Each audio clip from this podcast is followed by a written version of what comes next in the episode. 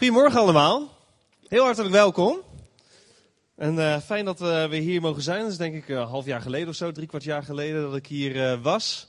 Maar het is altijd weer fijn. Het is altijd wel een hele rit. Een uur en drie kwartier in zo'n auto zitten. Maar ik zeg altijd, het is ook wel een mooie rit. Want het is altijd een soort rijdende tempel. Waarin je gewoon even ook de gelegenheid hebt om nou ja, de Heer te zoeken. En even wat aanbiddingsmuziek te luisteren. Tjitske, mijn lieve vrouw, zit daar zo. Tjitske, misschien even dat je gaat staan. Dat is mijn lieve vrouw. We hebben ook twee kinderen. Ze kan niet altijd meekomen. Soms ook de verplichtingen in onze eigen kerk uh, waar we staan. Maar uh, ja, het is fijn om uh, vandaag weer bij jullie te mogen zijn en een gedeelte uit Gods woord te mogen delen. Het is ook bijzonder bemoedigend om te zien dat er volgens mij ook mensen met een vluchtelingenachtergrond volgens mij aanwezig zijn. Dus een mooi gevarieerd gezelschap. Wij hebben zelf ook een kerk waar heel veel uh, uh, vluchtelingen uit de Farsi sprekende taal aanwezig zijn. Maar ook uit uh, Irak, Iran, nou al die landen. ze zijn allemaal van harte welkom. En bij God is er geen onderscheid. Hè? Daar vallen de muren tussen de culturen weg. En dan mogen we één zijn met elkaar. En dan dienen we dezelfde Heer. En ook door alle generaties heen. Nou, ik wil vandaag met jullie, de presentatie mag opgestart worden wil ik graag uh, uh, iets delen. En dat, ik ga een klein beetje aanspraak maken op uw verstand. Mag dat? Die heeft u wel meegenomen, toch? Die ligt niet uh, op het nachtkastje vandaag. En, en ik wil graag met jullie eens kijken naar het leven van Jozef. En we gaan eindigen met het leven van Paulus. Nou, dan hebben we twee grote mannen uit de Bijbel te pakken. En het is een boodschap die wel even misschien wat gaat triggeren bij je. Je gaat met huiswerk mee naar huis.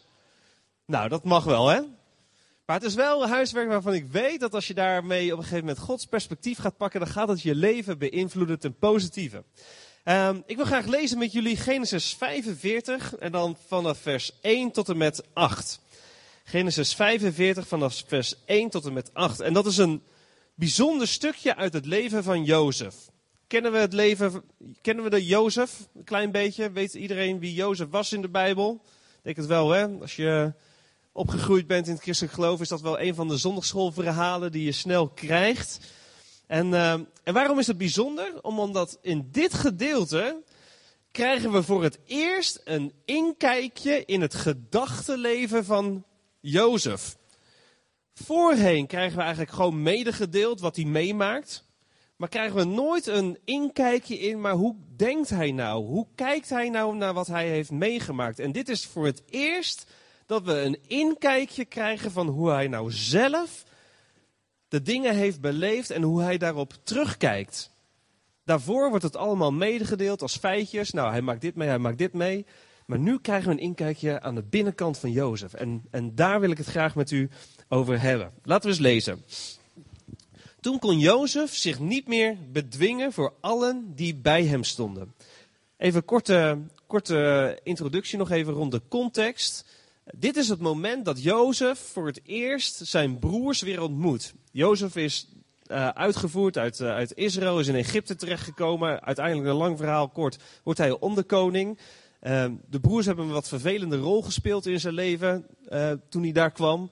En nu is het voor het eerst dat hij zijn broers ziet en weer bekend gaat maken aan hen. En dan staat het volgende. Toen kon Jozef zich niet meer bedwingen voor allen die bij hem stonden.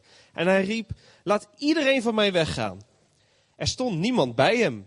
Toen Jozef zich aan zijn broers bekend maakte.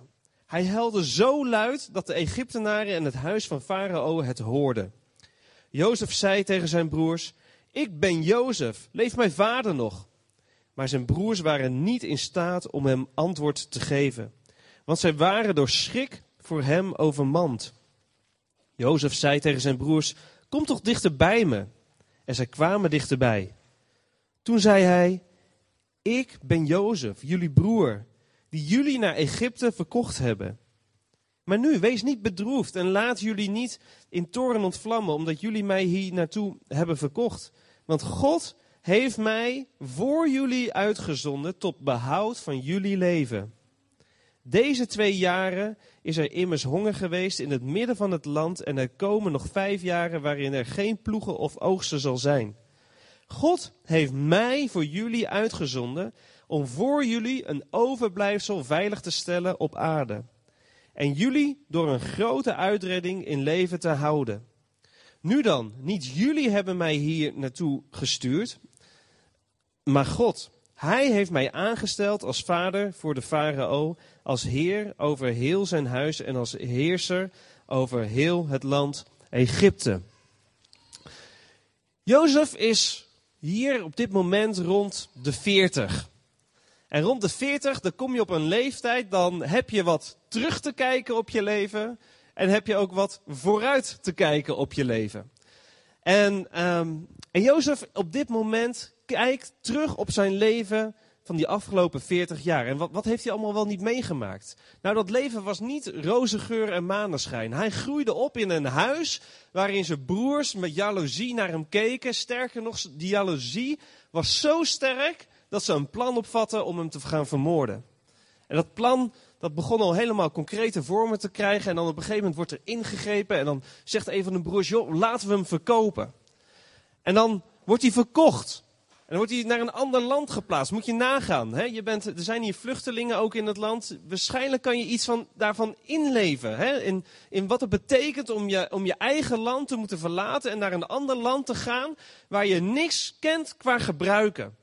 En sterker nog, je hebt geen, je hebt geen, je hebt geen rechten. Je hebt eigenlijk alleen maar plichten. Alles waar je recht op dacht te hebben is weggenomen van je. Je hebt geen aanspraak meer op je eigen leven, waar je gaat staan, wat je kan doen. Alles is je ontnomen. En hij wordt als slaaf verkocht op een markt en komt in een huis van Potifar.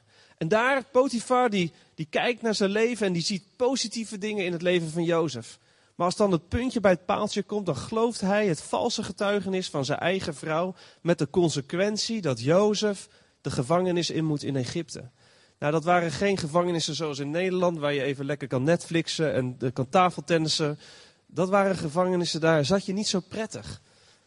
En dan is daar dat verhaal op een gegeven moment dat hij een droom interpreteert. met de schenker en de bakker. En dan zegt hij, joh, herinner mij zo meteen als je naar de faro gaat. Alsjeblieft, doe een goed woordje voor mij. Maar die man, die vergeet hem volkomen.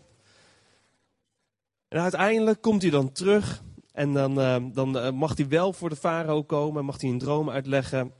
En dan zijn we op dit punt aangekomen. En uh, waar ik vandaag met jullie over wil hebben is Jozef maakte heel veel dingen mee, maar hij begon betekenis te geven aan de omstandigheden die hij had meegemaakt. En ik wil het vandaag eens met jullie gaan hebben over betekenis geven aan de omstandigheden die je meemaakt. Want wat mij opvalt namelijk is, iedereen in het leven maakt gebeurtenissen mee. Amen. En is je al opgevallen dat de positieve en de negatieve gebeurtenis niet per se ons als gelovigen worden onthouden. Ook gelovigen maken negatieve gebeurtenissen mee. Amen. De zon gaat op voor de rechtvaardigen en de onrechtvaardigen. De regen valt over de rechtvaardigen en de onrechtvaardigen. Is je dat ook al opgevallen? Ja. Dus het gaat niet zozeer over wat we meemaken, maar wat ik merk in het in, in, in, in, in het leven en ook uh, met het optrekken van mensen, dat wat heel veel invloed in je leven hebt, is niet wat je per se meemaakt, maar wel welke betekenis je geeft aan datgene wat je meemaakt. Want Jozef had namelijk ook een hele andere betekenis kunnen geven aan alles wat hij had meegemaakt. Hij komt tot de conclusie, God was in dit alles bezig en had een grote plan om zodat ik jullie uiteindelijk voedsel kon voorzien en dat ik uiteindelijk het hele volk Israël daarmee kon redden. Dat was de betekenis die hij had gegeven. Maar hij had een hele andere betekenis ook eraan kunnen geven. Hij had daar ook kunnen staan en heel verbitterd kunnen zijn en denken: Mijn hele leven is verpest geweest. 40 jaar van mijn leven heb ik in ellende gezeten, heb ik in de put gezeten. En nu staan jullie hier. Jullie zijn degene die mij hebben, hebben verkocht naar die farao. Ik ben er klaar mee. En weet je wat het is? Ik ga jullie niet omarmen, maar ik gooi jullie in de gevangenis. Het is afgelopen nu. Als hij die betekenis daaraan had gegeven, dan was de wereldgeschiedenis anders geweest. Amen. De vraag is dus, wat ons aandringt is, hoe ga jij om met de dingen die in jouw leven zijn gebeurd? Welke betekenis heb jij daaraan gegeven? Want wat ik merk is, we praten in de kerk heel vaak over bestemming. En, en, en wat een geweldige boodschap hebben we. God heeft een plan met je leven. Je bent hier niet doelloos op aarde gezet, maar hij heeft een plan met je leven. Maar wij hebben eigenlijk heel weinig invloed op wat we meemaken in het leven. Dat is iets wat God voor ons bepaalt. Amen. Ik kan niet bepalen of ik morgen wel of niet ziek word of onder een auto loop of wat dan ook. Dat is allemaal in Gods handen. Daar heb ik geen invloed op. Maar waar ik wel invloed op heb, is welke betekenis ik geef aan de gebeurtenissen die ik meemaak. En, en, en als je komt met de verkeerde betekenis over de gebeurtenissen die je leven, leven meemaakt, kan het zijn dat het wel je bestemming gaat beïnvloeden. Die moet ik even laten doorzinken. Dus als je komt met de verkeerde betekenis over de gebeurtenissen die je hebt meegemaakt, kan dat je geestelijke groei gaan stagneren en kan het wel degelijk de bestemming die God voor je leven heeft gaan beïnvloeden. Want als jij dingen hebt meegemaakt, dan kan dat zijn dat je een heel negatief godsbeeld gaat krijgen. Dat je heel negatief over jezelf gaat denken. Dat je jezelf als een slachtoffer gaat zien. Als je jezelf als een slachtoffer gaat zien, dan ga je ook mensen aantrekken die in diezelfde atmosfeer leven. Dan ben je, word je hè, dus, dus alles in je leven gaat dan vorm krijgen naar de betekenis die je geeft aan de gebeurtenissen die je hebt meegemaakt. Bestemming is door God bepaald, maar betekenis van de gebeurtenissen die je meemaakt, is onze verantwoordelijkheid, is jouw verantwoordelijkheid om samen met God op tot de juiste betekenis te komen.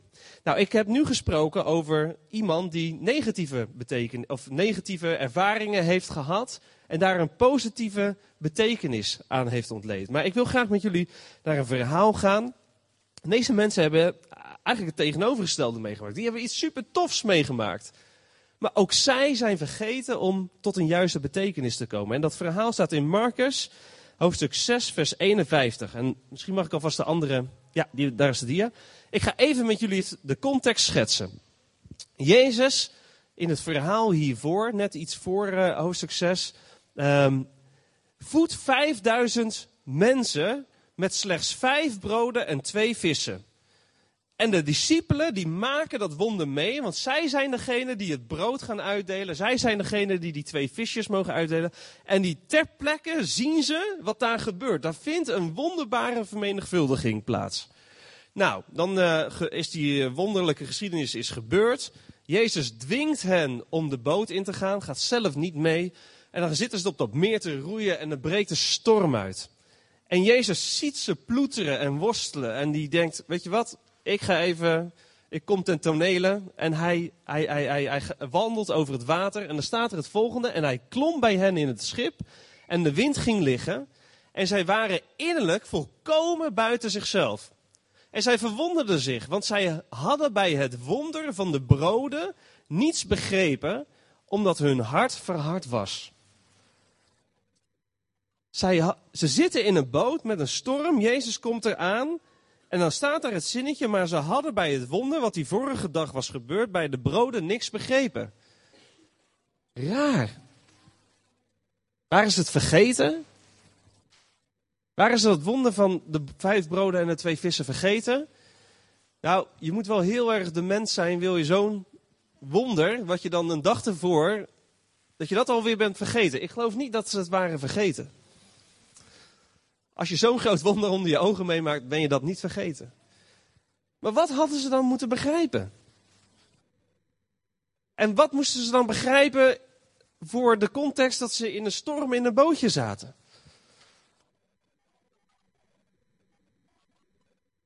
Kan het dus zo zijn dat wij wonderen van God, positieve mooie dingen meemaken, en dat we eigenlijk de les die Jezus wil leren, ons er niet uithalen? Blijkbaar is dat wat dit zinnetje zegt. Dat, dat we positieve dingen kunnen meemaken, maar soms omdat we zo gehaast leven, eigenlijk helemaal niet doordenken van ja, maar wat betekent dit nou? Wat is de betekenis die God hieraan wil ontlenen?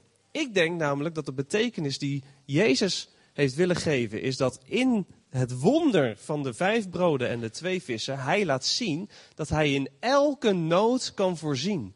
Hij kan dus ook voorzien op het moment dat het stormt in jouw leven dan kan hij ook die storm stillen. En, en wat die discipelen hadden gedaan, die hadden iets gedaan wat je misschien ook wel eens meemaakt als je een lekker gebakje hebt, maar je hebt haast. Heb je wel eens iets lekkers gegeten? In de haast.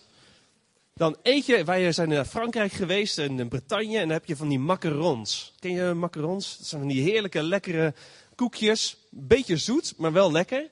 En soms kan je dan in je gehaastheid ergens mee bezig zijn, dan eet je zo'n ding en dan ben je alweer bezig met je volgende. En dan hoor je zo'n stemmetje, heb je nou geproefd wat je hebt in je mond hebt gestoken? Herkent u dat? Mijn moeder zei altijd, ja, ik ben een drie kwartier in de keuken bezig en jullie schuiven het na vijf minuten naar binnen. Heb je nou geproefd wat ik heb gemaakt? Heb je nou de liefde ervaren die ik erin heb gestoken? Herkent u dat? Soms zijn we zo gehaast dat we vergeten dat die dingen die we meemaken, we vergeten even dat stapje terug te doen en na te denken over, ja, maar wat betekent dit nou, wat ik nu meemaak? Dus zowel de positieve dingen, de wonderen die we meemaken, maar ook die negatieve dingen, zoals Jozef die meemaakte. God wil door de dingen heen spreken. Nou, ik heb een drietal vijanden van betekenis geven uh, opgeschreven. Mag ik de volgende dia zien? Er zijn vijanden die voorkomen dat jij tot de juiste betekenis komt. En ik wil je die drie vijanden, misschien zijn er wel meer, ik heb er maar even drie op papier gezet. Maar ik wil je even kijken of je dat misschien herkent. Allereerst noem ik het de etikettenbrigade. Nou, dat uh, vraagt even uitleg. U heeft het allemaal denk ik wel eens meegemaakt. En om heel eerlijk te zijn, zijn wij met name in de kerk daar wel eens wat schuldig aan. Heb je het wel eens meegemaakt? Je maakt iets mee in je leven, misschien iets positiefs of juist iets heel negatiefs. En direct is er iemand, misschien wel hier in de kerk of misschien wel in jouw familie, en die weet precies hoe het zit. Die zegt, oh, nou wat jij meemaakt, dat is de duivel. Of dit is, dit is de les die je moet leren. En boem, je krijgt een stickertje op. En dat is dan waar je het mee moet doen. Maar van binnen voel jij helemaal, ja, ik kan hier helemaal niks mee. Heb je dat, heb je dat wel eens meegemaakt? Dat mensen zo snel klaar zijn om jou, wat jij hebt meegemaakt, om daar een, een etiketje op te plakken. Of soms zeggen ze, ja, ik heb een goed boek gelezen en daar gebeurde dit en dit ook in. En, en daar, daar, nou, daar kwam dit resultaat uit. Dus, bam, daar moet jij het dan ook maar mee doen. Amen? En van binnen ervaar je dan soms, ja, maar ik kan hier niks mee. Maar we moeten ook eerlijk zijn dat we soms wel die etiketjes aannemen. Terwijl God zegt, ja maar lieve mijn kind, ik, heb, ik, ik wil graag dat je met mij tot betekenis komt. En niet zomaar een boekje of een verhaal van iemand anders of een stickertje wat iemand anders op je leven wil plakken. Ik wil met jou het gesprek aan over wat deze dingen betekenen. Dus de etikettenbrigade. En als we heel eerlijk zijn, denk ik ook dat we zelf altijd moeten uitkijken om dat te snel in situaties te doen. Ook van rouw of verlies. Nou, dan een. Uh, nou ja, ik, laat, me daar ook een verhaal over vertellen. Want uh, er is een Chinees verhaal over een man. En deze man had twee hele kostbare bezitten in zijn leven. Eén was zijn eigen zoon. En het andere was een geweldig mooi paard. En dat was kostbaar voor hem. Dit waren de enige pronkjuwelen in zijn leven waar hij voor leefde. Maar op een goede dag gebeurde er wat verschrikkelijks. Het paard wat hij had, brak uit de omheining weg en rende weg. En alle dorpelingen kwamen naar hem toe en die zeiden: Jongen, jongen, wat een ongeluk is jouw leven getroffen. dat dat enige paard wat je had, dat bezit is weggegaan. Wat zielig voor jou, wat een ongeluk. Waarop die man reageerde en zei: Ongeluk of geluk, ik weet het niet, ik laat het los. De volgende dag gebeurde er wat, wat raars. Dat ene paard was, wat was weggelopen, kwam met twintig paarden terug en liep zo de omheining weer in op het veld waar ze stonden. Deze man was van de ene op de andere dag twintig paarden rijker geworden alle dorpelingen er weer naartoe en die zeiden, wauw, wat fantastisch, wat een geluk. Eerst was je paard kwijt en nu heb je twintig paarden. Wat geweldig, twintig wilde paarden er extra bij. Wat een geluk is jouw leven getroffen. Waarop die man zei, ja, geluk of ongeluk, ik weet het niet. De volgende dag dacht die zoon, weet je wat, ik ga een van die wilde paarden temmen. En uh, hij was daarbij bezig en ging erop zitten. En zo'n wild paard, dat moet dan beteugeld worden. En hè, dat moet een beetje in, uh, in, uh, in gelid komen. Ik weet niet, ik ken de paardentermen daarvoor niet. Maar Maar dat wilde paard, dat stijgerde op een gegeven moment. En die zoon die valt, komt op onder, onder, de, onder het paard, onder de dingen. En hij breekt zijn heup. Waarop alle dorpelingen weer naar buiten gaan en zeggen: Wat een ongeluk is je getroffen. Je, je kostbare zoon heeft voor, voor altijd, loopt hij nu mank. Hij kan, kan, kan eigenlijk niks meer. Wat een ellende is je leven getroffen. Waarop die man zegt: Geluk of ongeluk, ik zou het niet weten, ik laat het los. De volgende dag breekt de oorlog uit. En alle jonge mannen worden opgeroepen om naar het front te dienen. En heel veel van die mannen sneuvelen daar aan het front. Maar zijn zoon kon blijven omdat zijn heup was verbrijzeld. Nou, waarom dit verhaaltje? Om te laten zien dat het perspectief waarmee we kijken soms zomaar kan veranderen naarmate de tijd vordert. En zo is het ook met God. Soms zijn er negatieve dingen in ons leven en die hebben negatief bestempeld. Maar je weet helemaal niet hoe God uit dat negatieve toch iets moois weer kan maken. Want God kan uit het krommen van jouw leven weer mooie dingen maken. Amen. Heb je dat al ervaren? Dat de dingen van de ellende en de puinhopen waarvan jij denkt, dit klopt niet, dit is ongeluk, dit heb ik niet verdiend, kan God in de levensgeschiedenis van jouw leven iets moois maken, zodat het ook tot zegen gaat zijn naar jouw omgeving. Heb je dat al ervaren? Dat wil God in jouw leven doen. Dan als tweede vijand van het lijstje is het onze eigen gehaastheid. En uh, weet je, ik, ik, ik, ik denk soms dat we te gehaast leven. En om betekenis te vinden in je leven, om na te denken over de dingen die je meemaakt, moet je soms ook gewoon eens even een stapje terug doen. En je afvragen, wat heb ik nu eigenlijk meegemaakt? En Heer, hoe zit dat? Gewoon eens tijd nemen om in de stilte samen met God te zijn en je leven te bespreken. Maar weet je wat we heel vaak doen? Met name als we negatieve dingen hebben meegemaakt, misschien wel traumatische dingen, misschien wel dingen waar jouw grenzen zijn overschreden, die stoppen we in een laadje. Die stoppen we in een laadje, die doen we op slot en dan zetten we een etiketje boven. Niet aankomen. Niet open doen. Vooral niet bespreekbaar maken. Niet te dichtbij komen. Liever, liever gehaast leven en eroverheen leven. Maar niet dat laadje. Dat laadje wil ik niet open hebben. Want daar zit iets in. Daar wil ik niet bij komen. En we leven maar door en we zingen onze liedjes. Maar dat laadje dat moet gesloten blijven. Daar wil ik niet bij komen. Terwijl God zo graag wil om met jou het gesprek aan te gaan over de inhoud van dat laadje, over die gebeurtenis die jij hebt weggestopt. Hij wil in dat laadje komen. Hij wil het gesprek met jou aangaan en betekenis met jou gaan geven over dat ene laadje wat jij heel ver weg hebt gestopt. En daar is alle reden voor, want je is misschien pijn aangedaan. Pijn die niemand kent of herkent.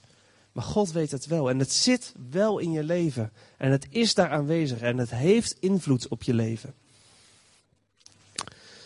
Dan als laatste vijand, leugens van de vijand. Weet je, als betekenis geven in je leven over de gebeurtenissen die je meemaakt zoveel invloed hebben, dan is dat ook het speelterrein van de boze, van Satan, om daar in jouw leven met verkeerde betekenissen te komen, met verkeerde beelden te komen, verkeerde beelden over hoe jij naar jezelf kijkt, hoe jij naar God kijkt, of je God wel werkelijk kan vertrouwen, of hij werkelijk goed is.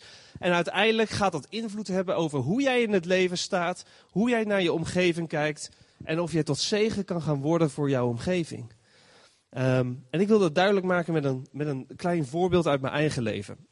Wij uh, zijn drie jaar lang hebben we in Engeland gezeten op een bijbelschool uh, om getraind te worden. En in dat eerste jaar um, deden ze bewust wat weinig met de studenten. Ze hielden het heel rustig, ze lieten je weinig doen. En um, ik had in die uh, voorjaren, voordat we naar de bijbelschool uh, gingen, waren er wat dingen gebeurd in mijn leven waarvan ik zelf het gevoel had, ik heb de stem van God gemist. En ik heb eigenlijk niet gehoorzaamd in wat hij van me vroeg. En terwijl we daar dat eerste jaar waren en er gebeurde niks, je werd niet gebruikt en, en je had niet het gevoel dat God door je heen kon werken, ontstond er een beeld in mijn hoofd van een oude verroeste auto die aan de kant was gezet en niet meer gebruikt kon worden en eigenlijk daar maar lag te verroesten. En dat beeld, dat gaf zoveel narigheid in mijn leven. En ik werd er gewoon ook gefrustreerd. Ik liep gewoon helemaal klem. Weet je, ik, ik weet nog dat ik s'nachts over dat park heen liep. En dat, dat ik echt een schop gaf tegen een boom. En ik dacht, ja, heer, lekker is dat. Ik ga drie jaar ga ik apart zetten. Nu zit ik hier zo en dan... Ik voel me gewoon als een soort waardeloze auto aan de kant gezet. En, en gaat er nog wat gebeuren of zo?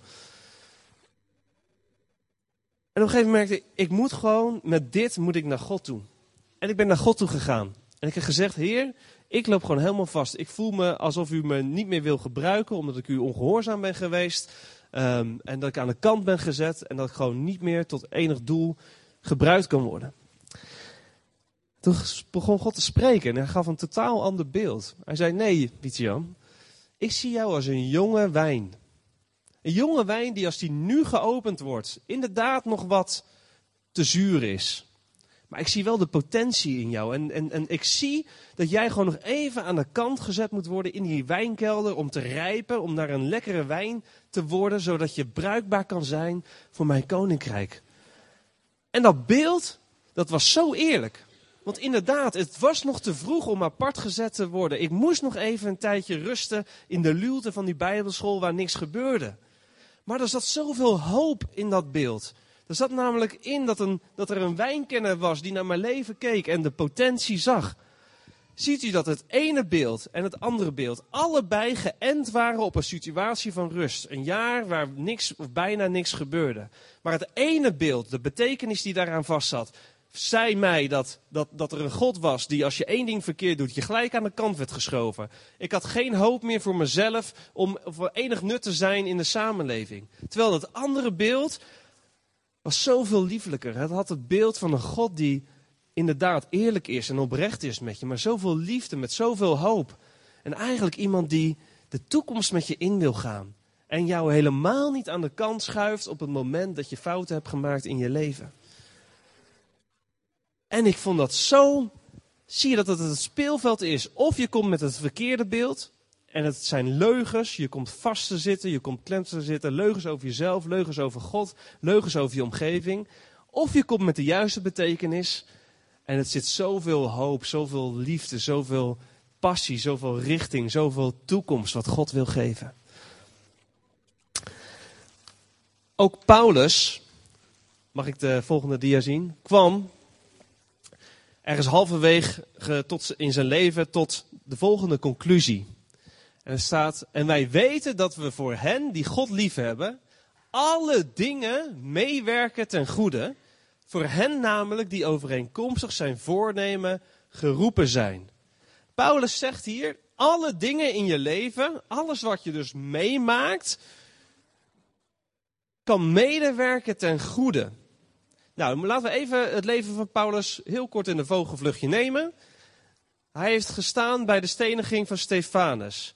Hij is gegezeld geweest. Hij is gestenigd en voor dood achtergelaten. Hij heeft honger geleden, hij heeft kou geleden, hij is in de gevangenis geweest. Is uiteindelijk, um, heeft hij uh, executie moeten meemaken van zijn eigen leven. Maar zijn leven, hij heeft schipbreuk geleden. Hij is niet geloofd op zijn getuigenis. Hij heeft afwijzing gekend in zijn bediening, als apostolische bediening. Deze man had nogal wat meegemaakt.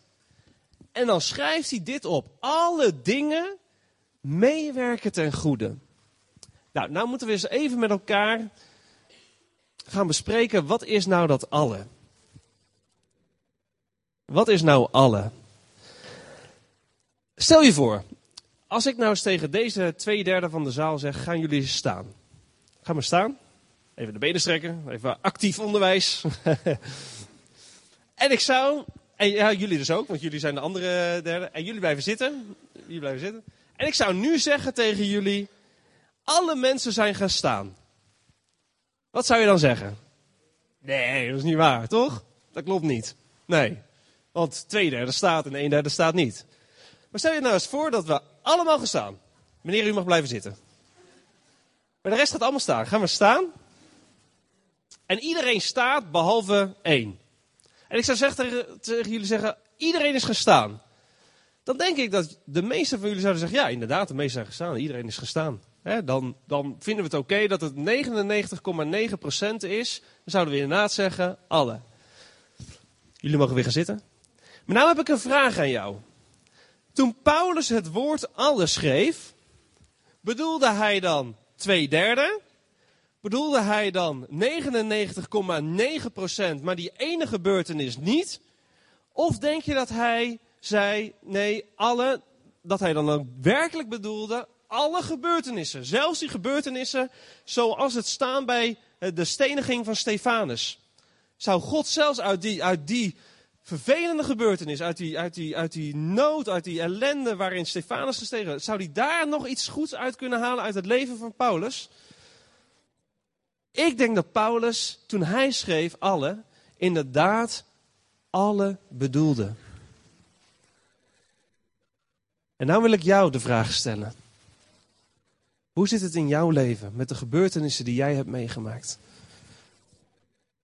Ben jij op de plek gekomen dat alles wat jij meemaakt, de positieve dingen, maar ook de negatieve dingen, heb jij die al overgebracht naar de plek waarin je zegt, Heer, inderdaad, alles zal medewerken ten goede.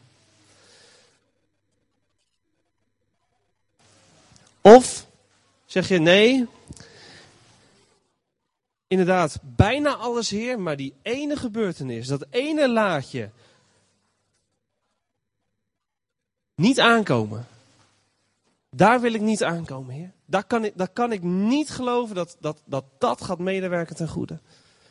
Weet je, ik ga vandaag een vraag stellen aan jou. En die vraag vraagt geloof.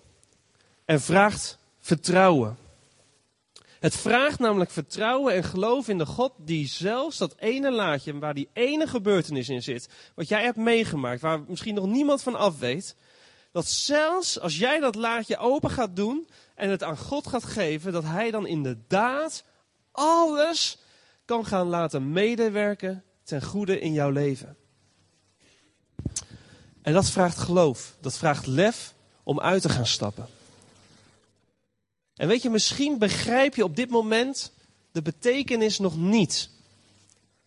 Maar dan zou ik je gewoon willen vragen, joh, maar zou je bereid willen zijn ook al begrijp je de betekenis niet, om toch te zeggen, Heer, ik begrijp het niet, maar ik wil het in ieder geval uit die duisternis, uit die plek waar staat niet aankomen, wil ik het halen en ik wil het gaan brengen in uw handen met het vertrouwen dat er ooit misschien een tijd zal komen in dit leven en anders daarna, dat ik toch uw hand daarin kan zien. En laat me wel zeggen, niet alle negatieve dingen die je in je leven hebt meegemaakt zijn door God bepaald. Maar hij kan wel uit de negatieve dingen die je hebt meegemaakt, goede dingen laten voortkomen. Dus God is niet degene die het slechte op je leven heeft georganiseerd. Zo van, nou, ga dat maar eens even lekker meemaken. Want dat is nooit zijn bedoeling. Maar hij kan wel vanuit de negatieve dingen die je hebt meegemaakt, jou helpen om iets positiefs te laten ervaren. Toen ik in de voorbereiding hier was, had ik een verhaal van een vrouw die verkracht was op jonge leeftijd. En Um, daar waar normaal gesproken uit een verkrachting bijna nooit een kindje voortkomt, was dat in dit geval wel. En die vrouw die beschreef in haar boek dat ze erg worstelde met deze man. Die ook volledig uit beeld was geraakt. En um, ook niet de vader van het kind wilde zijn. En, en, gevoelens van boosheid en frustratie. En je, en je, herkent dat. Terwijl ze ouder werd, werd het beeld rondom die dader werd veranderd. En ze, ze begon te schrijven uit medelijden voor die, voor die man die die daad had gedaan. En niet medelijden uit de zin van, nou, wat een zielige figuur. Nee, medelijden omdat ze schreef, hij heeft nooit geweten wat voor prachtige dochter hij heeft gekregen. Hij heeft nooit die mooie momenten die ik heb kunnen genieten van de dochter in mijn leven. Die momenten die speciaal waren, dat we samen aten, dat ik haar heb zien stralen, dat ik haar eh, samen dingen hebben meegemaakt, samen hebben gelachen, samen gehuilen. Al die mooie momenten heeft hij moeten missen. Hij is daar geen deelgenoot van geweest. Weet je wat ik zo mooi vind aan dat verhaal is? Ze is zichzelf niet als slachtoffer gaan zien, maar ze is zichzelf gaan zien als de gezegende persoon die kon gaan genieten van haar dochter. Nou, ik, ik ga hier niet oppervlakkig mee om. Want ik weet dat, dat als je dit meemaakt, of mee hebt gemaakt, is dat niet makkelijk. En ik zal de laatste zijn die daar even een soort makkelijk preekje over wil gaan houden. Maar ik gun het iedereen die moeilijke, traumatische dingen in hun leven hebben gemaakt, om, om in je leven, en dat zal soms tijd overheen gaan, dat zal soms een proces zijn, om in je leven de verschuiving te mogen maken om jezelf van slachtoffer naar gezegende te zien in Gods handen. Omdat dan je leven verder gaat bloeien, omdat dan je leven ook veel meer tot bloei zal gaan komen. En dat is iets wat ik niet kan doen, maar dat is wel iets wat God door zijn kunnen kan doen in jouw leven. En weet je, misschien zeg je, ja leuk zo'n laadje, maar ik kan hem nog niet open doen. Ik kan, je gaat nu vragen van mij om een laadje open te doen die jaren gesloten heeft gezeten, maar ik kan hem nu niet open doen. Dan wil ik je iets anders vragen. Dan wil ik je gewoon simpelweg vragen of jij bereid bent om de sleutel van het laadje te geven in Gods handen. En te zeggen, Heer, op dit moment kan ik het nog niet. Ik kan het laadje nog niet open doen. Maar ik geef de sleutel, ik geef de autoriteit aan u om aan u te bepalen om op de juiste tijd met mij het gesprek aan te gaan over wat daar is gebeurd dan hou je het niet meer in je eigen handen, maar dan zeg je, Heer, ook daarin ga ik u vertrouwen. U kent mij, u doorgrondt mij, u weet mij zitten en mij staan, u kent mijn gedachten. U heeft mij van voor de schepping al bepaald, u weet hoe ik zal gaan eindigen. Heer, ik leg het gewoon in uw hand en ik, ik leg het in vertrouwen bij u neer. De manier hoe ik graag zou willen om dat te gaan doen is, ik heb hier een doos uh, neergezet. En uh, je mag uh, al wat eh, gaan spelen.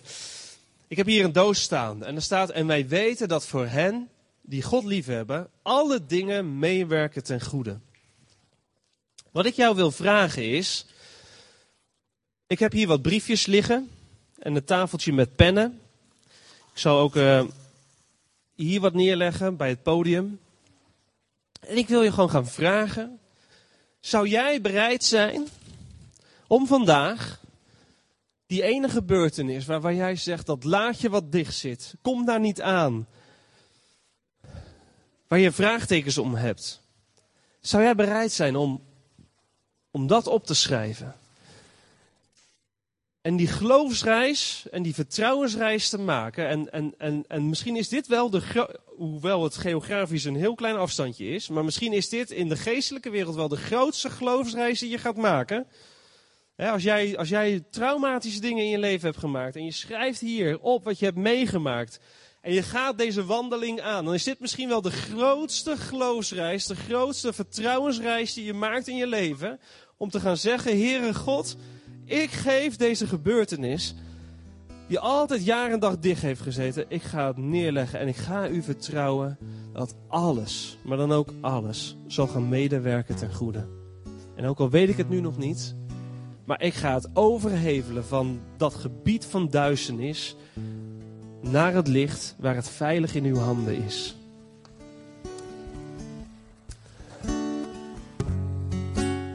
Ik wil een tijd nemen om daar rustig met elkaar God in te zoeken. Even een setting te creëren van bij God te zijn.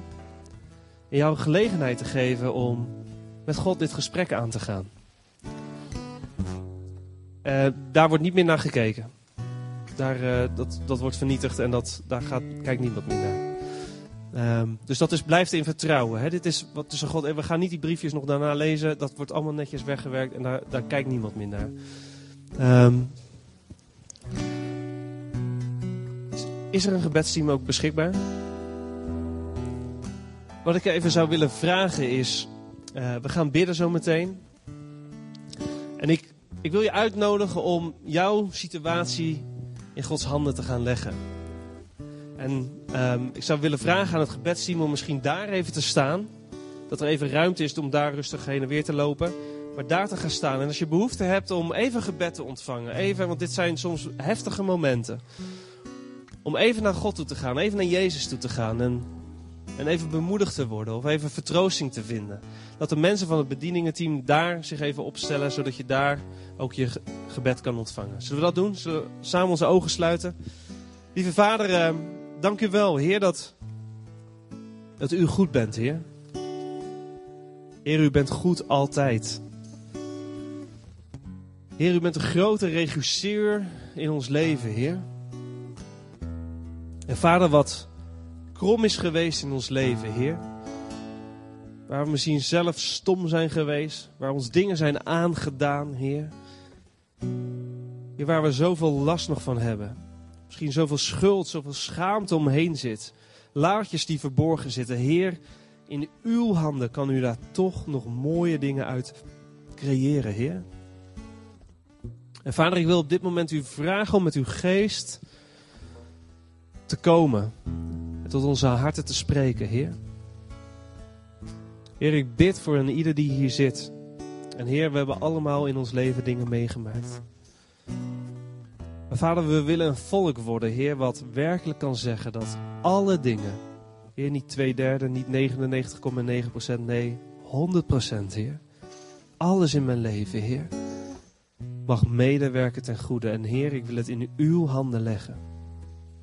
Een heilige geest, daar waar mensen worstelen om dat laadje open te nemen, wil ik u vragen, wilt u de sleutel in handen nemen en wilt u in uw liefde en uw goedheid het juiste moment kiezen in het leven van de persoon om samen met deze man of vrouw te gaan zitten en te zeggen: Zal ik nu met jou het laadje open gaan maken en met jou erover te gaan spreken, met jouw genezing te laten komen in het diepst van je wezen. Heer, dank u wel, Heer, dat u dat kunt doen, Heer. Heer, dat is niet wat mensenhanden kunnen doen. Maar Heer, we willen u daarin vertrouwen. Halleluja. Amen. Oké. Liggen hier uh, briefjes klaar. Daar staat een tafeltje klaar met een briefje. Dus kom maar daarvoor als je zegt: Ik wil iets opschrijven. Het bedieningenteam zal daar klaar Met jouw situatie in de handen van God te leggen.